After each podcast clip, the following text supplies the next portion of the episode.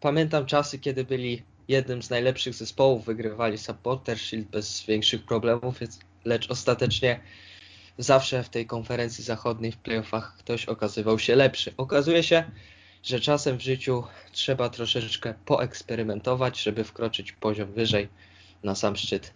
Wiedzą o tym Beatlesi, wie o tym klub Seattle Sounders, który po raz czwarty w ciągu pięciu lat melduje się w MLS Cup. Ja nazywam się Wiktor Sobociński, wraz ze mną oczywiście Kasia Piórka. Cześć. Oraz Bartek Kiernicki. Dzień dobry. Porozmawiamy dzisiaj o zbliżającym się MLS Cup i oczywiście o tym, jak to się stało, że znalazły się w nim drużyny z Ohio i Waszyngtonu. Myślę, że wszyscy czekacie z wypiekami na twarzy na omówienie meczu Minnesota ze Seattle, zwłaszcza Bartek, ale na przekór wszelkim konwenansom zaczniemy od Columbus Crew, które pokonuje 1 do 0 New England Revolution. Pierwsze pytanie, zaskoczenie? Nie. Absolutnie nie. Kompletnie. To się musiało tak skończyć. To było już widać po pierwszej połowie. Zaskoczeniem może być jedynie wynik, bo 1-0 to naj, najmniejszy wymiar kary. Tu powinno być przynajmniej 3-4 3-4-0, tak, tak po przebiegu gry i z tego, co się działo na boisku, to zdecydowanie no, Columbus dominowali, mieli ten mecz całkowicie pod kontrolą i chociaż wynik tego nie oddaje, to, to naprawdę wydaje mi się, że no, tutaj nie ma za bardzo o czym mówić, bo byli po prostu lepsi. No zdecydowanie, to pokazuje to, jak oni po pierwsze są mocni w domu, więc tutaj też jest pierwsza rzecz, która może im dać małą mm, górkę przeciwko Seattle Sanders. Oni od 2019 roku tylko raz w ciągu 14 spotkań przegrali w domu. To jest kosmicznym wynikiem, to jest kompletna twierdza e, The Crew. E, no, oni mają niesamowitą, mm, mają świetnego trenera. Obu tu będzie niesamowity pojedynek trenerski. E, Caleb Porter został piątym trenerem, który wygrał obie konferencje już jest jedna rzecz. Y, no, po prostu są naprawdę mocni y, w domu. Ja się dziwię, że było tak mało, tak jak Kasia mówi. No, pierwsza połowa to już był czerwona lampka dla New England Revolution, no ale to nie mogło się tak y, zmienić, no prawda? Tak jak rozmawialiśmy z Kasią i Wiktorem przed meczem, no ilu mogło piłkarzy z New England grać w Kolumbii. Także gracz z pierwszej jedenastki Res mógłby grać w, e, w Columbus.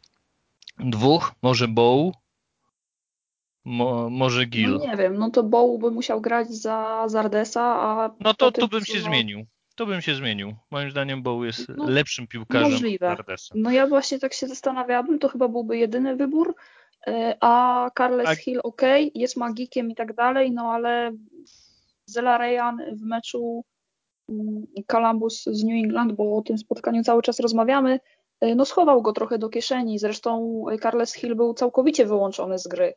Mm, miał kilka pojedynczych zagrań i tam jakby w samej końcówce meczu było widać takie magiczne zagranie, ale ono też oddawało idealnie cały stan rzeczy y, New England Revolution, mianowicie on po prostu myśli do przodu, jest dużo lepszy i, i gracze w ogóle nie ogarnęli, nie zrozumieli, y, jak fantastycznie chciał rozegrać ten rzut wolny. Oczywiście to się skończyło no zmarnowaną całą sytuacją.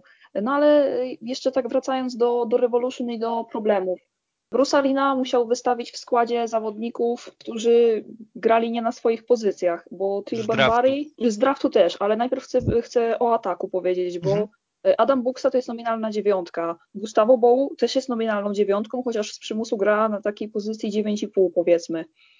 Do tego jest Tilbum Banbary, który też jest dziewiątką i oni musieli grać na pozycjach ala skrzydłowych, bo tak w zasadzie nominalnego skrzydłowego w tej drużynie nie ma i to jest pierwszy problem.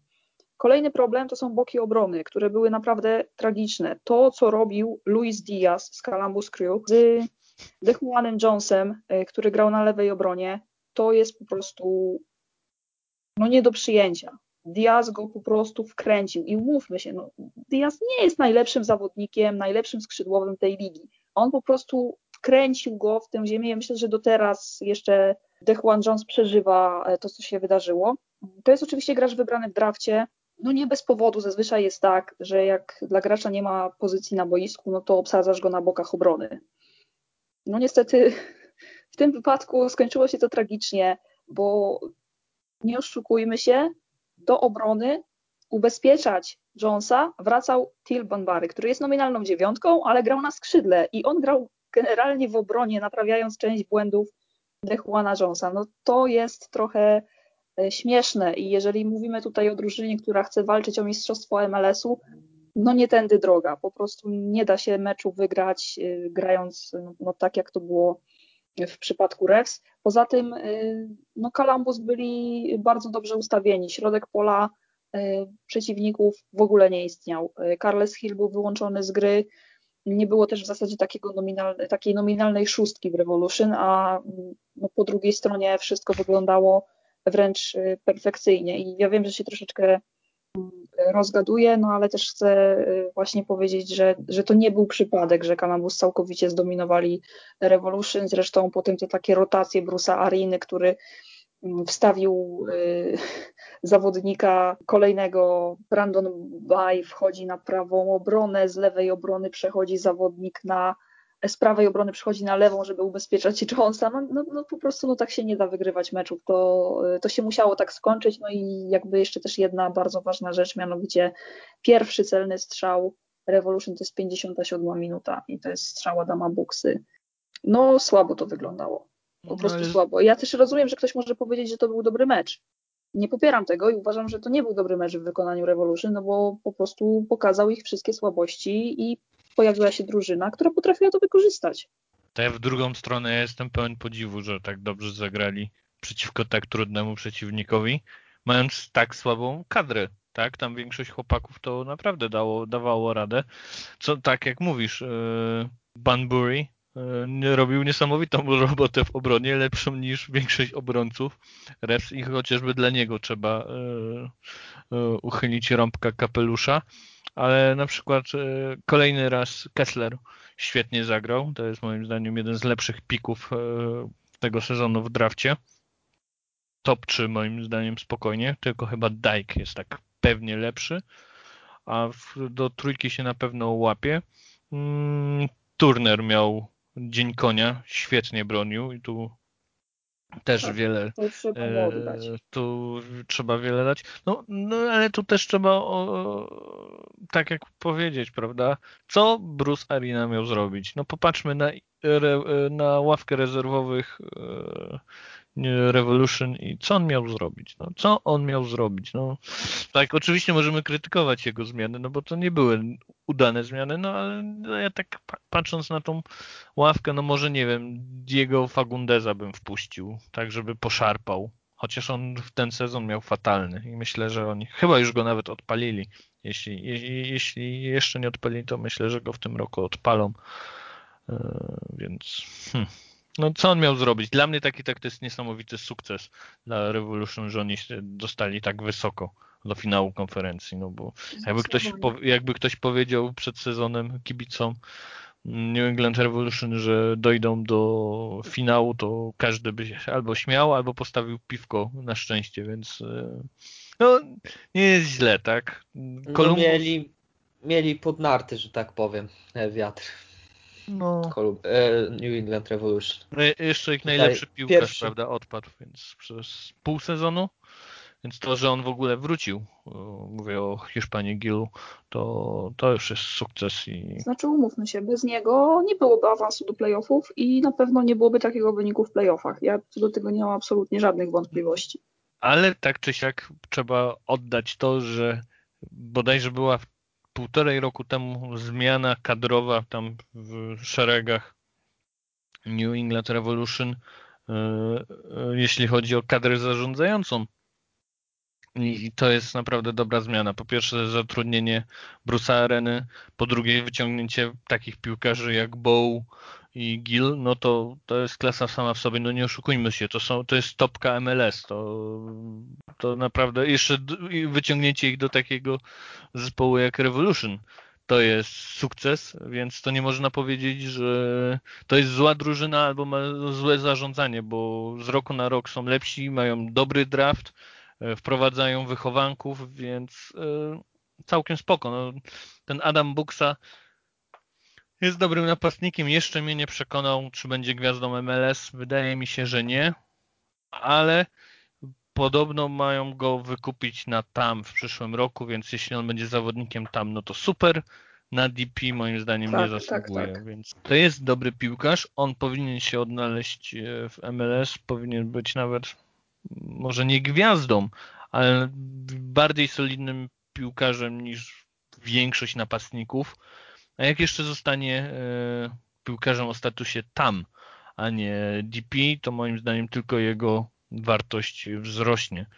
A myślę, że on jest na tyle bystry, poza boiskowo, że też e, szybko ogarnie sobie green carda, więc tu też będzie kolejny, e, kolejna rzecz dodana, więc ja myślę, że on jeszcze nie powiedział ostatniego słowa w MLS i w USA i myślę, że prędzej czy później ją podbije. Na pewno ale z tym no to tak jak mówisz, to nie jest tak, że my sobie tak mówimy tylko. To nie jest y, jakaś jedna opinia naszej, y, naszej trójki, tylko no, to jest zdanie, które jest powielane przez wielu ekspertów w Stanach Zjednoczonych, w tym przez głównych prowadzących y, jakby dyskusje na temat tej ligi w oficjalnych kanałach rozgrywek. Tutaj no, mam na myśli Andrew Wiby i, i cała, cała czwórka prowadząca podcast Extra Time e, Radio, no to oni jakby jasno się wypowiedzieli, że kontrakt designated player dla Adama Buksy, no to jest żart, niestety. No, jeśli dobrze pamiętam, Doyle na początku go chwalił, ale to tylko przez chwilę.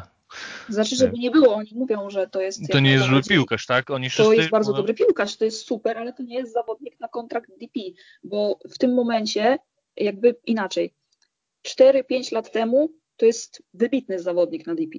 Można tak, tak powiedzieć, on, tym, on, w tym wieku i tak dalej, to jest 5 lat naprawdę... temu on byłby gwiazdą ligi, no ale to byłoby... Jak najbardziej, ale no liga się rozwija i w tym momencie jak ściągasz zawodnika DP, to oczekujesz, że on będzie robił ci takie liczby w pierwszym sezonie jak Alejandro Posuelo, jak Lucas Zelarayan.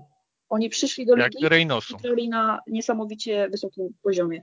I właśnie o to, o to chodzi ściągając DP.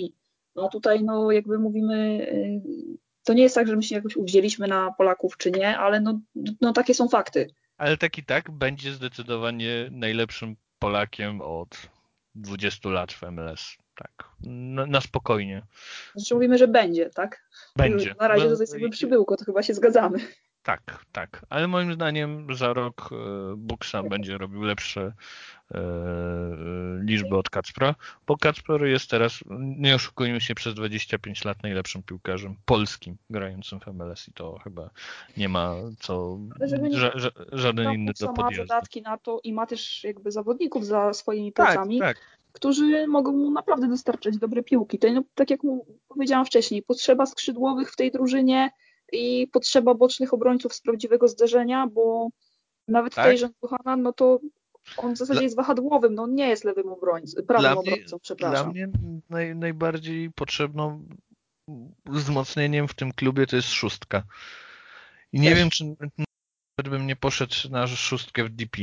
Naprawdę.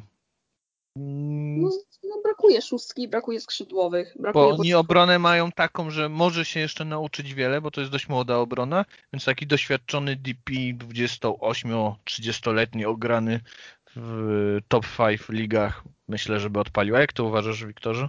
Tak, jestem tutaj cały czas. Powiem tak. Powiedziałbym, że róbcie screeny, że będzie Adaś najlepszym polskim graczem od 20 lat, no ale tego niestety nie zrobimy, bo to jest podcast. Natomiast no, ma zadatki na to. A jeżeli chodzi o to, czy fajnie, że Columbus awansowało dalej, tak, ponieważ New England przegraliby swój szósty finał z, z rzędu. Znaczy nigdy nie wygrali, więc po prostu szósty finał. A myślę, że to już by była okropna statystyka. To tak w skrócie. I to, co powiedzieliście, no skrzydłowych tam niestety nie ma. Poszukiwanie skrzydłowych. Myślę, że pora przejść do takiego meczu, no na pewno bardziej emocjonującego, to zdecydowanie.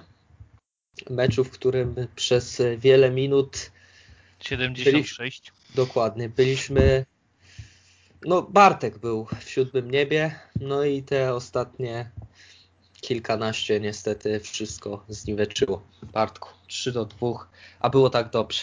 Co tam się najgorszego stało? Doświadczenie, doświadczenie, zespół, który jest ograny w playoffach, zespół, który jest ograny o granie o coś, lepsza, e, lepszy skład rezerwowy, lepsi piłkarze, lepszy trener. No, ja tak mówiłem przed, przed meczem, że tylko cud spowoduje, że Seattle nie wygra w 90 minutach, no i cud się nie stał. Reynoso ciągnął wózek niesamowicie. On miał 7 asyst i gola w trzech meczach playoffów. Kosmiczne liczby. Moim zdaniem to będzie niesamowity piłkarz w przyszłym sezonie. On jeszcze nie ograł się mm, po pierwsze z całą drużyną, po drugie ten chłopak chciałby podawać do napastnika, a my nie mamy napastnika, więc no, granie w finale konferencji bez napastnika, no to no co ja mam powiedzieć, no było pięknie, ciężko mi było zasnąć o tej 5.30, no ale co, no, nie, nie, spodziewałem się innego wyniku. No, to, jest, to jest klub z Minnesoty. Taki klub sobie wybrałem. Kluby z Minnesoty nigdy nie wygrywają poza klubem z damskiej koszykówki Lynx. E, poza tym wszystkie przegrywają w finałach, czy to są e, zawody akademickie, czy, czy profesjonalne, więc no, taki już mój los. Więc nie pierwsza porażka, nie, nie pierwszy finał, który przegramy. A co tam się stało z tym środkiem pola, bo on no jednak tak zdominowany trochę był przez dwa, dwa dni yy, więcej odpoczynku. To jest to też, ale w ogóle było widać, że od pewnego momentu no, Minnesota no, to jakby oddychali rękawami i naprawdę no, były dwa, ciężary, były ciężary. Dwa, dwa, dni odpoczynku. No, no, no, no ale to, to, też nie było tak, że nie można było wykorzystać tego jakby słabszej dyspozycji niektórych piłkarzy Seattle, bo Alex Roldan na prawej obronie, no naprawdę e, troszeczkę poniosła e, wyobraźnia Briana Schmetzera. Jordan Morris miał słaby dzień. E, oczywiście no, on tam w końcówce trochę odpalił, ale w końcówce cały zespół Seattle odpalił. Ten, ten, ten słupek to, to były stadiony świata, jakby to weszło. To tam milimetry zabrakło od gola Chodzi mi o to, że do, do tego momentu, do tych takich ostatnich 20 minut, to Seattle było do pokonania, ale nie przez tak grającą Minnesotę, bo Minnesota no, jakby była zdominowana. Środek pola naprawdę no, był tragiczny. I takie, jakie, jakie tam podania przechodziły, no to nie no, no Seattle do, dominowało, dominowało przez cały mecz, to tylko Oczywiście. po prostu oni wrzucili kolejny bieg, no. Tylko ślepy albo nie oglądający meczu mógł powiedzieć, że to było wyrównane spotkanie, no bo nie było, no. Reynoso miał błyski Aczkolwiek podziwiam, naprawdę podziwiam, że w takim momencie, gdzie y, Minnesota prowadzi, i nagle Seattle się zrywają, e, grają dwa razy szybciej, kompletnie nie wiedzą, co się dzieje na boisku. Ten słupek Jordana Morrisa e, i już widać, że praktycznie zaraz może być wyrównanie i dokładnie w tym momencie Minnesota robi no, rzecz, która no, nie miała prawa się wydarzyć, czyli wykorzystuje jakby po części broń Seattle Sounders stały fragment gry, bo to dwa gole ze stałych fragmentów gry. Pierwszy rzut wolny, E, i drugi właśnie wrzutka i Diabasi e, strzela gola. I w takim momencie e, wypracować sobie dwubramkowe prowadzenie to jest, to jest najlepsza rzecz, jaką, mogło, jaką mogła zrobić Minnesota United. To się udało. No niestety potem ja mam wrażenie, że to no już nawet nie było. Ławki. No nie mieliśmy no, ławki. ławki, ławki nie a było. Ławkę, a ławkę mieli Seattle Sounders, ponieważ te zmiany Briana Schmelzera jak on może wprowadzić takich piłkarzy, no to, to, no, no, no, nie, ma, nie ma siły, tak, no. Kelvin Lerdam to jest topka bocznych. Kelvin Lerdam to praktycznie powinien grać od początku meczu, no nie? To Ale to teraz pytanie, czy, czy Szmecer nie zbagatelizował Zastanawiam się, mam takie wrażenie. Moim zdaniem on po prostu wrażenie. wystawił taki 0,8 składu, no. Ja na jego miejscu też bym tak zrobił, no bo po cholerę. Ta Minnesota, no nie oszukujmy się. Ja wiem, że ona grała konkretnie, miała tam 7 czystych kąt na 11 ostatnich spotkań. Tak liczę. Albo 10 spotkań, no ale no, jakby ktoś oglądał mecz z Colorado albo ze Sportingiem, a wierzę, że Brian oglądał i to wielokrotnie, no to tam cuda były. No, to, że nie było straty gola przez Minnesota. To No, prawda, to prawda. no. Ale no tutaj Dalej- jakby dalej- ja się będę upierać przy tym, że Mhm. Minnesota mogła doprowadzić spokojnie do dogrywki. Mało tego powinni ten mecz wygrać, ale oni po tym pierwszym golu y, Willa y, Bruina, który wszedł i, i to był jego szósty mecz przeciwko Luns, czwarty gol y, No. i no sorry, ale Minnesota ten mecz przegrała w głowie. Po prostu. oczywiście, Oni no ale- całkowicie siedli i, i to No. już była... Y, oni Jak- w ogóle nie wiedzieli, co się dzieje na boisku. Oczywiście, no ale jak grają przeciwko kozakom, który, dla których to jest, nie wiem, ósmy sezon w finałach, w playoffach pod, pod ten, nie wiem, taki Lodeiro to już czwarty sezon ro, robi playoffy, takie i, i US Open Cup. Nie no, piąte, A przy- piąte, piąte Albo nawet, ja nie wiem, ja nie Mhm. pamiętam, czy on 4 czy 5 lat temu przeszedł. To też w ogóle transfer 2016 w środku. jeden, w z środku najlep- je- 2016. jeden z najlepszych transferów po prostu w historii MLS i no, Ja za- uważam, że za- zaraz będę mu, w ostatnich mu, latach to jest dynastia, na pewno... to zaraz właśnie chcę o tym z tobą Kasiu porozmawiać, ale, Okej, przepraszam, wyprzedziłam twoje, twoje ale myśli, ale jakby przeciwko właśnie takiemu Rudy, Rudiemu, Lodeiro, Morrisowi grają chłopaki z draftu, pięciu y, y, czterech z pięciu linii obrony to są chłopaki z draftu, które grają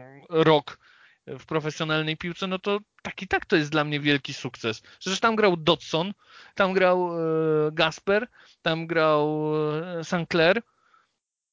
No, no, no, no, no, no nie było możliwości, no nie oszukujmy się, no po prostu. Znaczy była możliwość, właśnie ja się będę upierała przy tym, że była możliwość, żeby pokonać Seattle, ale No, oni, oni by Przegrali prędzej, w głowach. oni by, tak, no, przegrali w głowach, no bo jedynym piłkarzem, który grał tam kiedykolwiek o coś, przepraszam, że tak brzydko powiem, no ale to był Alonso. No i Molino w USL, no to, to jest dwóch No i Kay Kamara na ławce rezerwowych. No ale no Kej Kamara to jednak był nietrafiony trade. To był zdecydowanie nietrafiony trade. E, Za tą kwotę mogliśmy wyciągnąć e, Dajka w drafcie. Więc no to... tak, no ale to, to jest właśnie pytanie, czy już po drafcie było wiadomo, że on będzie taki dobry, tak? No, czy no, było wiadomo, że on było, będzie było dobry. wiadomo, że to będzie kozak, no tak? będzie dobry, ale czy będzie aż tak dobry, to nie sądzę. No nie, no Zawsze nie. jest, No. jakby jest ob- obarczy, no, zawsze jest ryzyko przy drafcie, że nawet jak wyciągasz takiego Oczywiście. kozaka, no to jakby prawdopodobieństwo, że on nie odpali w MLS, bo to jest zupełnie inna liga, no jest 50 na 50, że on się po prostu spali No to psychicznie, bo jakby nie mówię o innych graczach, którzy nie mają umiejętności po prostu, no bo tacy to już nawet nie są wybierani, tylko gdzieś tam są do drugiej Bartku, drużyny brani Kiri- albo na ławkę. Kiri Shelton też miał być kozakiem. Dokładnie. No, Dalej, Shelton da, da, dalej uważam, że to nie, jest, to, to nie jest zły piłkarz. Po prostu on nie pasuje do systemu. E, Więc e, No, chyba w całym MLS-ie nie pasuje do Żadne, systemu. żadnej drużyny, dokładnie. żadnej drużynie. Spokój. dokładnie. Nie, no, ale tak na, a tak na poważnie to jest średniak, tak jak mówicie, ale no No, ten daj. Zostawmy ten draft, bo, bo draft jest, bo o drafcie też pewnie będziemy sobie nieraz mówić. Jakby wróćmy do samego meczu i do tego, co się potem wydarzyło, bo, No bo to jest jak, ostatnie gole, no to jest po prostu... no, przepraszam, że powiem młodzieżowo, ale obstrali zbroję. No i tak było. No, no po to pierwszym, no. po, po, ja w 50 minucie już na Twitterze można znaleźć, że mamy przechlapany kończcie to waści panowie, więc e, no co ja mam powiedzieć? No jest materiał do budowania drużyny. Jak utrzymamy Dibasiego, jak utrzymamy Boxala, Gaspera, Dodsona, e, Gregusza, Molino, e, Reynosa, Finleya, ściągniemy jakiegoś e, dobrego napastnika. Naprawdę, no to jest jak na taką drużynę, która przez pół sezonu połowa podstawowej jedenastki nie grała. Przecież tutaj brakuje nam podstawowego bramkarza, podstawowego obrońcy, podstawowego napastnika. e, Podstawowa szóstka grała przed tym 9 meczy w ciągu całego sezonu i ma 34 lata, więc tak i tak moim zdaniem to jest niesamowity sukces. A że w ogóle znaleźliśmy taką perłę w lidze argentyńskiej jak Reynoso, to jest po prostu absurd. Yy, bo moim zdaniem to będzie jeden z najlepszych piłkarzy w przyszłego sezonu w MLS. Jeśli będzie miał normalnego napastnika, który będzie umiał wykorzystywać jego podania. Więc to, to prawda. To, to, to też jest to, ale no po prostu to widać, to jest ten jeden z tych piłkarzy, który mógłby grać w średniaku top 5, mógłby grać w lidze argentyńskiej, która, nie oszukujmy się, jest lepszą ligą od MLS i to chyba nikt o zdrowych zmysłach nie będzie podważał. I on tam był zwykłym średniakiem. A jeśli może być najlepszym piłkarzem w drużynie, liderem i taką no po prostu takim filamentem, na którym była zbudowana cała drużyna, to on będzie grał całkiem inaczej. Mi się wydaje, że tutaj odpaliła psychika, bo on zdolności miał już w Argentynie, tylko tu brakowało tego, że on był jednym z wielu w, Boca Juniors, prawda? Bo oni tam produkują tych wspaniałych pomocników, napastników, no po prostu hurtem. A tutaj jest najlepszym piłkarzem i to widać. Yy, I tu wielkie uznanie dla Adriana Hita, że on się tak uparł, bo nie oszukujmy się, oni chyba tam 8 miesięcy grali ten transfer. to była chyba jedna z najdłuższych sag transferowych. No trzy, okien, trzy okienka transferowe. Tak. Więc proszę Państwa, to, było, to była jedna z wygranych. No, nie chcę zapeszać, ale moim zdaniem też jeśli go utrzymają, to będzie piłkarz na miarę Lodeiro spokojnie. Tak jest moje zdanie, więc ja mogę się możliwe. ja mogę się mylić, prawda? Ja mogę żyć wejściem smoka, bo wszedł znaczy, wejściem. Ja się, ja się zastanawiam właśnie, czy na ile tutaj zadziałało trochę, y, no właśnie po pierwsze to, to co powiedziałeś, psychika, y, po drugie to, że no jakby on jest w końcówce sezonu, on też nie, no nie, bez, no, niego, tam... bez niego podejrzewam, że jakby tak wysoko do finału konferencji. Na pewno nie. No, byłyby ciężary. Nie, na pewno nie, na pewno nie. O, jeszcze jedna rzecz, yy, dlaczego przegraliśmy? Kevin Molino był niewidoczny. Jeśli Kevin Molino byłby widoczny i nie przeszedłby obok meczu, to myślę, że byśmy wygrali. No ale to jest. ja myślę, że to nie jest, flip, to nie jest flip tylko też tak, że, że, w porównaniu że z takim Finlejem w porównaniu z takim Etanem Finlayem, to i tak Kevin Molino był widoczny. Nie, oboje byli fatalni.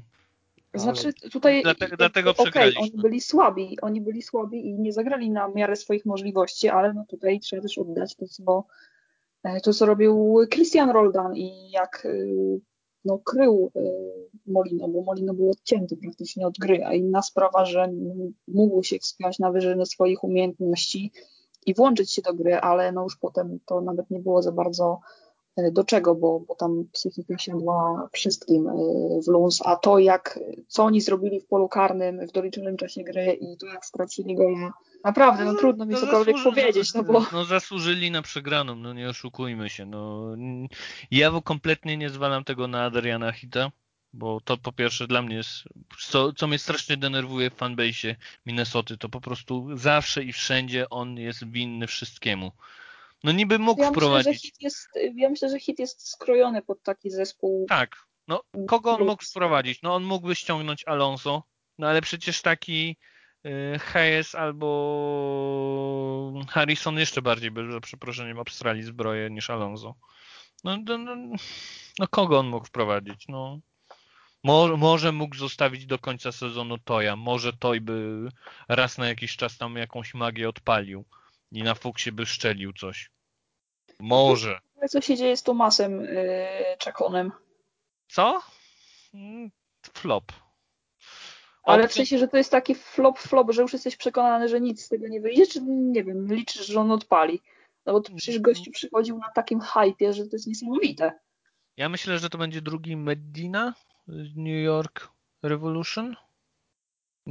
Bru, bru, wróć. New England City. Wróć! Boże, jestem nieprzytomny dzisiaj. Od dwóch dni nie, nie wyspałem się. To po wszystko przez luz. Wszystko tak, przez, wszystko przez fatalną bo... grę i teraz Bartek już miesza zespoły. Przepraszam, fatalnie, ale to mam nadzieję, że tego nie wytniemy, bo to śmieszne. Tworzy nowy Wie... expansion team. Tak, chciałbym, ale... Ale wtedy jest szansa, że z nazwą, mhm. z, z częścią nazwy New England zagrałby lepiej. I być może nawet wygrał MLS Możliwe, możliwe. Ale wracając, e, Urugwajczyk młody, ja myślę, że to będzie drugi Medina z City. Czyli on dopiero w trzecim sezonie coś jakoś gra? W drugim? No tak, tak. Bo faktycznie Ten w tym, sezonie, cały sezon to jakby nie był zbytnio udany. w tym sezonie całkiem, dobrze był gra. udany, ale teraz jest tak właśnie pytanie, czy mm, bo Medina jak, jakby on dostawał szansę i on był jakby zmiennikiem, to też wynikało z tego, że on nie grał i nie miał liczb, bo no nie dostawał zbyt wielu szans. Y, Mhm. A potem jak już zaczął dostawać w miarę regularnie, no to zaczęły się też pojawiać liczby konkretne. No a tutaj faktycznie, no to jest jakiś taki temat do, do omówienia kiedyś na spokojnie. W każdym razie w wielkim finale mamy y, dwie drużyny i teraz jest pytanie, czy jesteście w ogóle zaskoczeni, y, że Columbus Crew i Seattle Sanders zmierzą się o mistrzostwo No, MLS. Seattle mówiliśmy już, że mają autostradę tak do finału, więc tutaj to nie jest żadne zaskoczenie. Po pierwsze, a po drugie, no tak jak Kasia mówi, to dynastia. Jakby Kasia przy, przypomniała nam, ile razy oni awansowali, bo od istnie, od początku, Od wejś- momentu od początku wejścia do MLS zawsze są w playoffach, co jest absurdalne. Po prostu gdy dobrze, że jest salary cap, tak? To powiem tak, bo tak to byłaby MLS stałby się nudną ligą, bo jak oni by mogli wydawać ile chcą, to już byłyby klękajcie narodów i myślę, że byłoby tak nu- nudna liga jak liga włoska albo hiszpańska, więc No byłoby kilka wyróżniających się drużyn, to na pewno. no nie, nie oszukujmy się, Seattle by rozjechało wszystkich, bo oni mają zbyt dobrą e, nie tylko drużynę, ale po, po, tak jak Kasia mówi, trenera, który po prostu tak jak e, Los, Los Angeles e, FC e, rozegrał dwa razy, jak dzieci we mgle ich rozpykał, to jeszcze mają po prostu świetną, świetną grupę zarządzających. To po prostu jedyne co mi tam zgrzyta w całym Seattle to jest to, że nie mają stadionu typowo piłkarskiego, no ale no to jest Seattle, tak, więc tam trudno byłoby coś zbudować. No, tutaj stadion jest zapełniony przez Tak, kibiców jasne, nawet jasne, do jasne. futbolu amerykańskiego, więc no trudno. E, od 2009, dziewię- 2009 roku grają w MLS-ie i od tego, od tego sezonu co roku awansują do playoffów. Rzecz, która trochę mi przeszkadza w Seattle Sanders, to jest to, że jest najstarsza drużyna w lidze, a już pod względem jakby podstawowej jedenastki to z pewnością. Z drugiej strony Zazwyczaj chwalimy drużyny, że na przykład jedna z nich potrafi znaleźć perełki w drafcie. Inna skautuje nieoczywiste kierunki. Niektórzy potrafią ściągać gwiazdy za dosyć albo za stosunkowo małe pieniądze i kreować te gwiazdy. Y, Niektórzy mają akademię, niektórzy mają drugi zespół i tak dalej, i tak dalej. W Seattle mamy wszystko. Mamy połączenie tego, ściągnięcie Nicolasa Lodeiro, ściągnięcie Rui Diaza, Jordan Morris jest wychowankiem.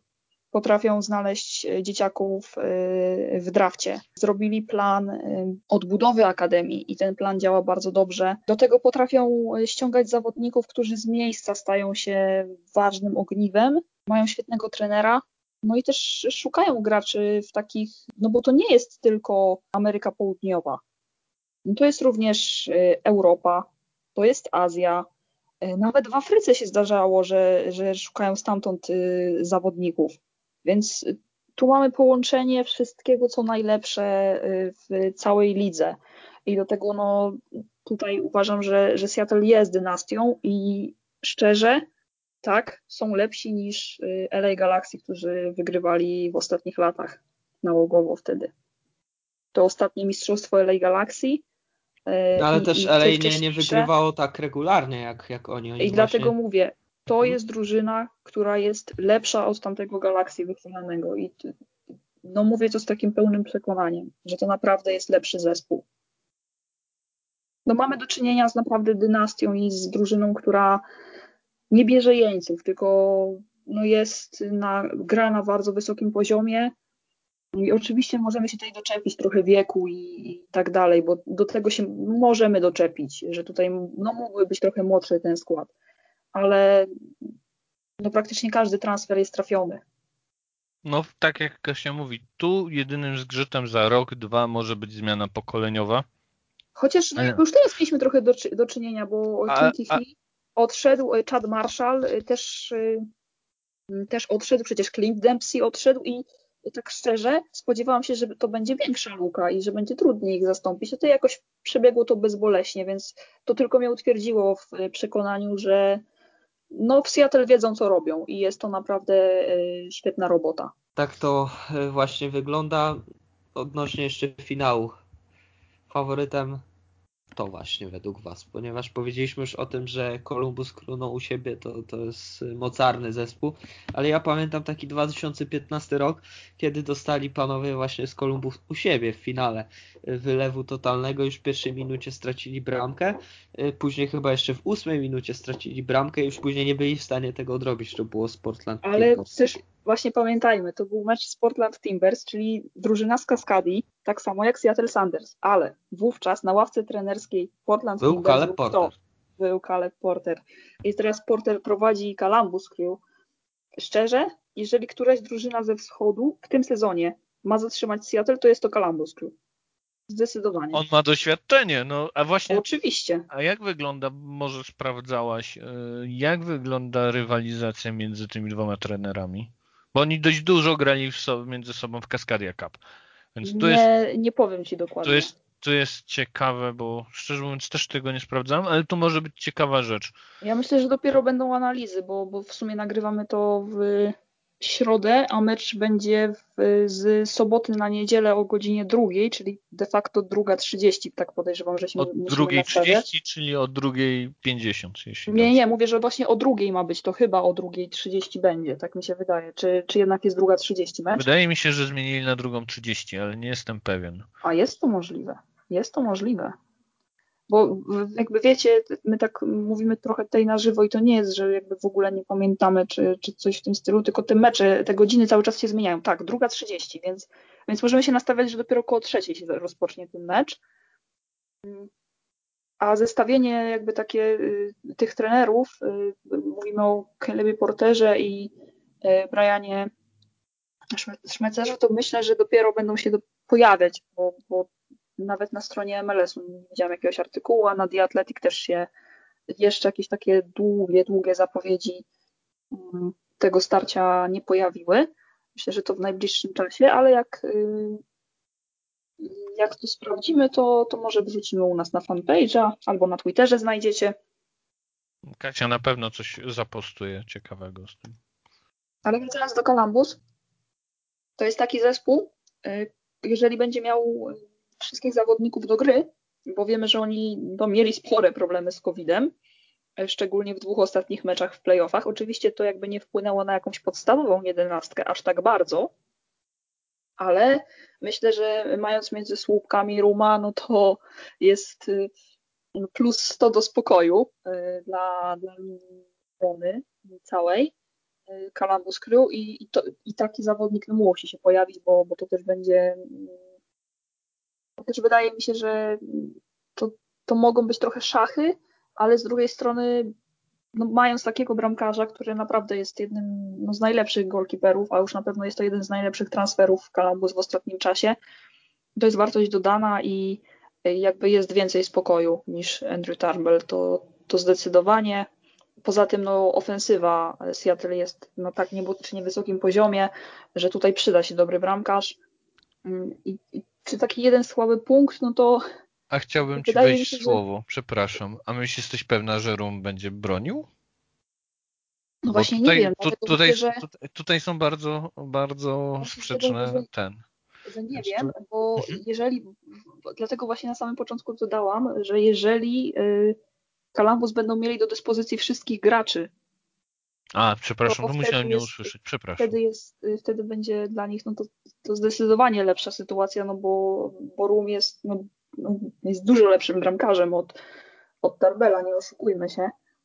Mm, jakbym miała szukać takich jakichś słabych punktów y, w Columbus, no to i to jest paradoks, bo i to też wam pokaże, jak y, wszystkim słuchaczom, jak jak słabe momentami było New England Revolution, no bo jednym z najsłabszych punktów jest właśnie no Luis Diaz na skrzydle, tak?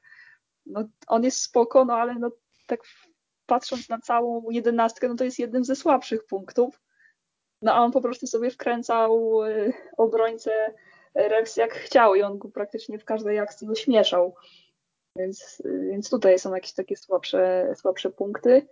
A po stronie Seattle, no to jak Brian wystawi najmocniejszą jedenastkę, to tych punktów słabych po prostu nie ma.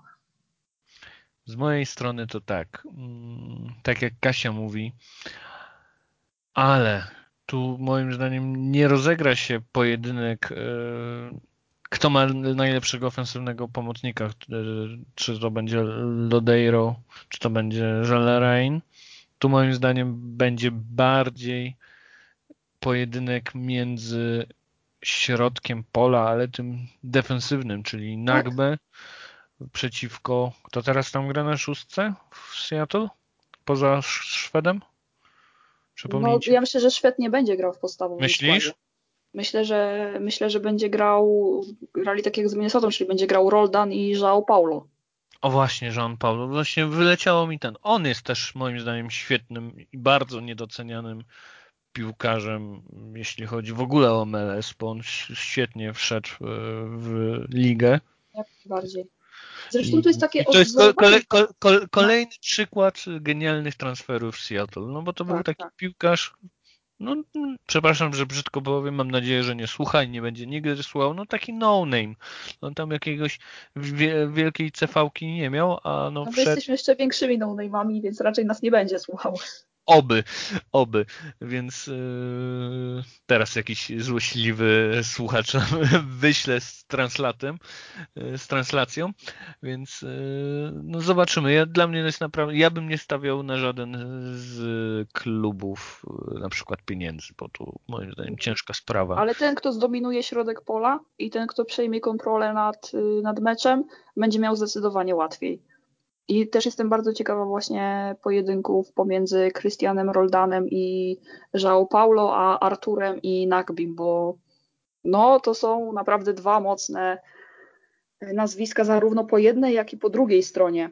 Kości będą mamy trze- takie, Mam wrażenie, że mamy. Yy, proszę cię, jeszcze raz powtórz, bo nie usłyszałam. Ko- ko- kości będą trzeszczyć, tak jak normalnie były me- mecze Portland z Seattle. Będzie dużo kartek, jak myślisz? Ja myślę, że tak. Albo, tak, będzie tutaj jakaś taka no, dosyć, dosyć spora rywalizacja. No i, a gdybym jeszcze miał gdzieś doszukiwać się jakichś y, jakby plusów Columbus, bo jakby ustaliliśmy już, że faworytem jest Seattle Sanders i oczywiście oni podchodzą do tego meczu z pozycji aktualnych mistrzów MLS-u, mhm. no to Nuhutolo na lewej obronie i Milton Valenzuela na lewej obronie w Columbus, a po prawej stronie Mam nadzieję, że nie będzie grał Alex Lordan, ale jeżeli, ale jeżeli będzie grał Alex Roldan, no to Harrisona full to go zjada na śniadanie. Właśnie no, chciałem powiedzieć, prawda. że chyba jedyną linią, dwie, dwie linie są lepsze. Obrona i, y, i defensywna pomoc jest moim zdaniem lepsza w Columbus, a reszta to jest na przewadze Seattle. No i mają też lepszą ławkę, no chyba, że Etienne tam odpali tryb magika i szczeli gola, to dla mnie to byłoby jak gwiazdka. No właśnie to jest też ten problem, co będzie z mm, jak, jak, ławki będą, jak ławki będą wyglądać i kto wejdzie, to, to, to, to jest tyle czynników, to będą tak jak Kasia mówi szachy, ale dynamiczne i piękne, to nie będzie mecz taki, że będą się szarpać, moim zdaniem to będzie bardzo ładny mecz, polecam wam go, ja nie będę oglądał, Nie będziesz oglądał?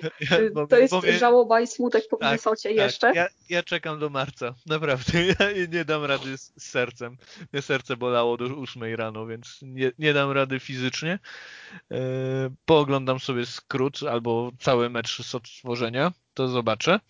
E, ale na żywo nie dam rady psychicznie, bo, bo ja bardzo będę kibicował The Crew. Mam nadzieję, że utrą nosa Seattle nie dlatego, że w zemście z Minnesota, ale po prostu ten klub zasługuje. To też trzeba przypomnieć. 27 miesięcy temu, tu mogę się machnąć o dwa miesiące, albo 27, albo 29 miesięcy temu, y, pan, smutny pan y, właściciel krów. Dziękuję. Smutny właściciel ogłosił, że zamyka Crew, tak? Czy niecałe 3 lata temu. Ale zagrali mu na nosie. Jestem czy, z tego czy 3 lata temu tak szczęśliwa. jeśli on by teraz wygrał, jeszcze później był tam, mam nadzieję, że będzie masakrował go w derbach z The Austin, że po prostu tam, tam nie będą odstawiać nogi i będą ich masakrować przez najbliższe, nie wiem, 15 lat, to, to jest moje życzenie i mam nadzieję, że ci kibice, bo to nie, nie oszukujmy się, tam jakoś rzeszy kibiców Ohio nie ma. To nie, Ale nie dzięki kibicom ten klub tak, został dokładnie. i istnieje, on, więc im się po prostu należy. jak kość psu albo kiełbasa, y, żeby po prostu oni wygrali. No, ale to jest dynastia dlatego. Ja nie będę oglądał za bardzo, mnie będzie serce bo Więc Wydaje mi się, że to jest najlepszy możliwy finał i tak jak tak, patrzę tak na, jak na resztę drużyn, ja to... Ja sobie odpalę jeszcze tylko drabinkę. Okej, okay, Filadelfia, Fila, bo, mówi, bo Filadelfia była mistrzem sezonu zasadniczego, to możemy tutaj mówić, że a, no może oni powinni zagrać. Oni nie Wróćmy byli, nie do byli. momentu y, dwa albo trzy podcasty do tyłu, kiedy rozmawialiśmy o tym, dlaczego ten sezon jest niemiarodajny i dlaczego Filadelfia między innymi została mistrzem, bo gdybyśmy sobie zobaczyli na terminarze tych drużyn, to gdyby był normalny terminarz, to Crew naprawdę no, mogliby zostać spokojnie um, najlepszą drużyną na wschodzie. Ja bym podejrzewał, że mogliby wykręcić kilka rekordów y, w ogóle, jeśli, jeśli to byłby normalny sezon. Dla mnie, jeśli chodzi o zachód, to tylko dwie drużyny mogły dojść do finału. Seattle Sanders albo Sporting Kansas. E, nie widzę nikogo innego. Los Angeles e, grało zbyt słabo przez cały sezon, żeby... No, nie. No tak, tak. A na wschodzie to tylko The Crew. Może cudem, tu teraz mogę was zaskoczyć, Orlando City. Jakby odpalili, to nie zdziwiłbym się, bo to jest tak szalony zespół, to jest tak wielki cyrk na kółkach, że no nie zdziwiłbym się, ale później by przegrali jakieś 6-0 w finale, bo to byłoby typowo Orlando. Więc tu, tu na pewno byłby flop. Albo w finale konferencji, albo w finale MLS. 4-0 by dostali. Nie, nie Seattle, Seattle Sanders? No, myślę, że by ich do, szóstkę by im rozjechali. Tu Lodeiro Patryczek. Dobrze, ale może jedno był kuli, tak z 6-1 albo A no to 6-2, no okej, okay, faktycznie. Dwa, dwa karne na niego, no 6-2. I jednego by nie trafił, dlatego 6-1. Okej. Okay. To, to, to taki mała, mały, mały stryczek w nos dla na niego. Świetny piłkarz, ale w życiu już bym mu nie dał karnego. To on i Higuain to są dwaj piłkarze, którzy powinni mieć zakaz szczelania karnych od y, zarządu MLS. Garber powinien tam jakąś pieczątkę dać, że mają zakaz i po prostu będą kary finansowe dla no, klubów. No, psy, będą psycha siadła, psycha siadła niestety. Obu, więc tu zdecydowanie oni nie zasługują na szczelanie karnych przez najbliższe 15 lat.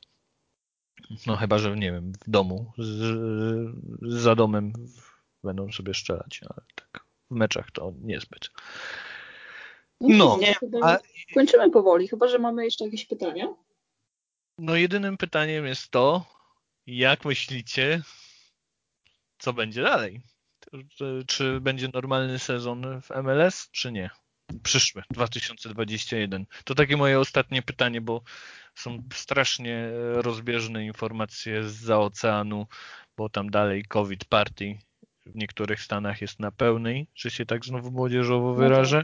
Więc y, pytanie, czy najpierw mieli zacząć pod koniec y, lutego, a teraz nawet niekiedy jest przybakiwanie o połowie marca, albo że część y, drużyn będzie na początku grało tylko wyjazdy, a później tylko w domu, tak jak bodajże Portland miało, jak remontowało stadion, co też jest moim zdaniem niemiarodajne, bo będą mieli przewagę na koniec sezonu. No ale to to tak tylko zahaczam, co wy osądzicie o, te, o takich opcjach. Fajnie by było, jakby rozegrali normalny sezon, prawda? Ale no oczywiście to nie od nas zależy, to też nie zależy do końca od klubów. Zależy tylko i wyłącznie od koronawirusa, niestety. I polityka... Ale myślę, że oni mają dużo czasu, żeby to wszystko przemyśleć, bo sezon w zasadzie kończymy w ten weekend. No i to jest po, połowa grudnia, styczeń, luty cały, bo, bo nie wierzę, że wystartują w lutym, bo już takie jakby pierwsze doniesienia Don Garbera to były, że startujemy w marcu, początek marca albo połowa marca, więc jakby tutaj się nie spodziewam, że będzie jakaś drastyczna zmiana, tylko, tylko raczej bym celowała w tę datę. No i kwestia tego, jak, jak te mecze będą rozłożone, bo to, że oni chcą rozegrać 34 spotkania w sezonie zasadniczym, to już jest jasne i myślę, że do tego będą wszyscy dążyć. Nie powtórzy się już raczej historia z bańką i tak dalej, bo to jest, wydaje mi się, że niemożliwe. To jest kwestia bardziej dopracowania wszystkich szczegółów związanych z logistyką, z podróżami. To jest chyba największe wyzwanie.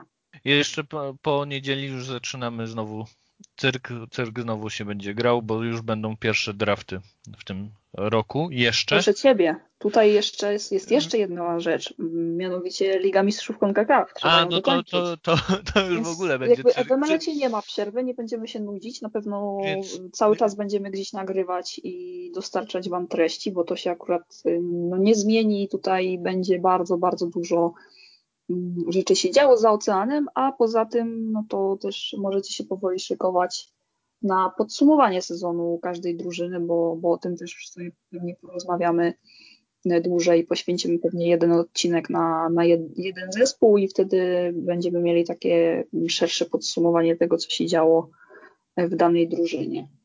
Tak no i przypominamy cały czas, że finał MLS Cup Columbus Crew Seattle Sanders, bo uwaga, Columbus miało lepszy point per game. Z soboty na niedzielę o godzinie 2.30, czyli mecz zacznie się prawdopodobnie przed trzecią. Bardzo serdecznie zapraszamy. Dzisiaj już dziękujemy. Miało być króciuteńko, bo właściwie tematów nie było, ale jak zwykle to się wszystko przedłużyło odrobinkę, ale mam nadzieję, że nie narzekacie z tego powodu. Kasia Przypiórka. Dziękuję. Bartek Kiernicki. Dziękuję ślicznie. Oraz Wiktor Sobociński. Do usłyszenia.